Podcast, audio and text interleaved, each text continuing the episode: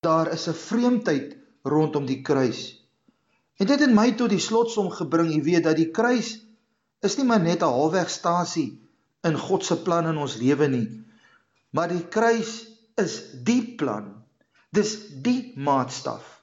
Dis die kommitment, die verbintenis aan 'n gekruisigde Jesus in goeie en in die slegte. Ja, hierdie vraag in die kerk was daar toe 'n mal Hitler tydens die Joodse slagting hulle in gaskamers ingeprop het.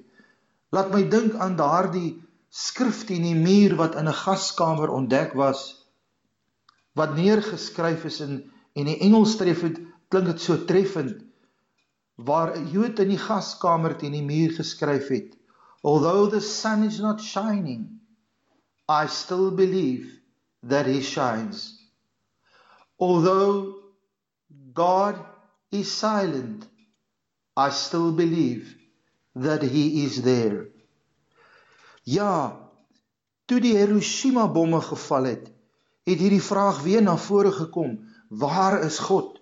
Hoekom gebeur al hierdie dinge met ons? Ja, in die laat 20er eeue het dit begin goed gaan. In Noord-Amerika veral toe die wat ryk is al ryker geword het, armes al armer geword het, maar daar 'n groot voorspoed Amerika getref het en 'n teologie rondom hierdie voorspoed ook gekom het en oorgespoel het ook na ons en na baie ander lande toe. Moderne waardes van voorspoed en sukses het uiteindelik weerstand begin bou aan die kruis.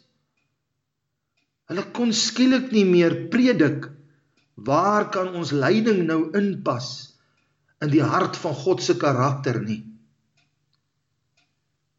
Maar dit bly nog steeds 'n feit van die lewe dat te midde van hierdie moderne waardes van voorspoed en sukses die opstandingskrag daar ook mense is wat in hierdie selfde ure en hierdie selfde tyd lyding kry. 'n Baie gewilde prediker wat tans op televisie uitsaai pragtige boodskappe en baie positief was eendag 'n vraag gevra Hoe pas jy jou teologie in van net goed gaan en net voorspoed en net reg en net wonderlik en mooi?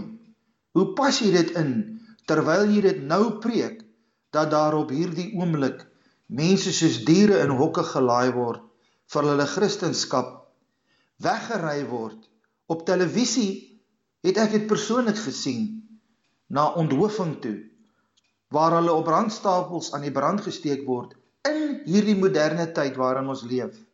Maar Amerika beleef sy voorspoed, maar daar's ander wat moet sterf vir hulle geloof. Hoe pas jy dit regtig in? Hoe verstaan jy regtig hierdie dinge? Wanneer ons kyk na hierdie moderne wêreld,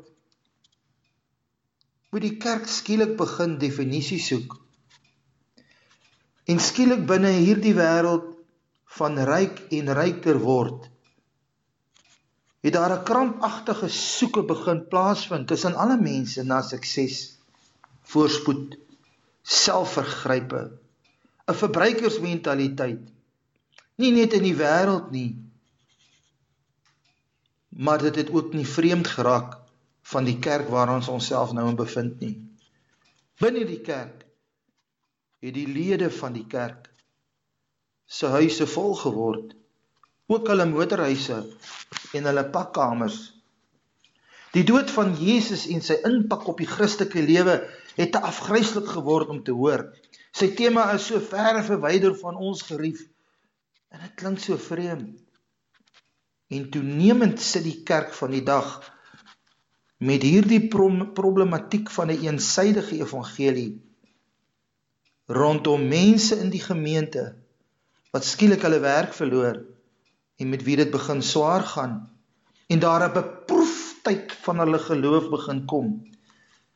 Ja, ek predik nie net die teologie van 'n Johannes Calvin wat gesê het of 'n Martin Luther wat gesê het die regverdige sal deur sy geloof lewe nie en dat jy slegs deur lyding God sal vind nie.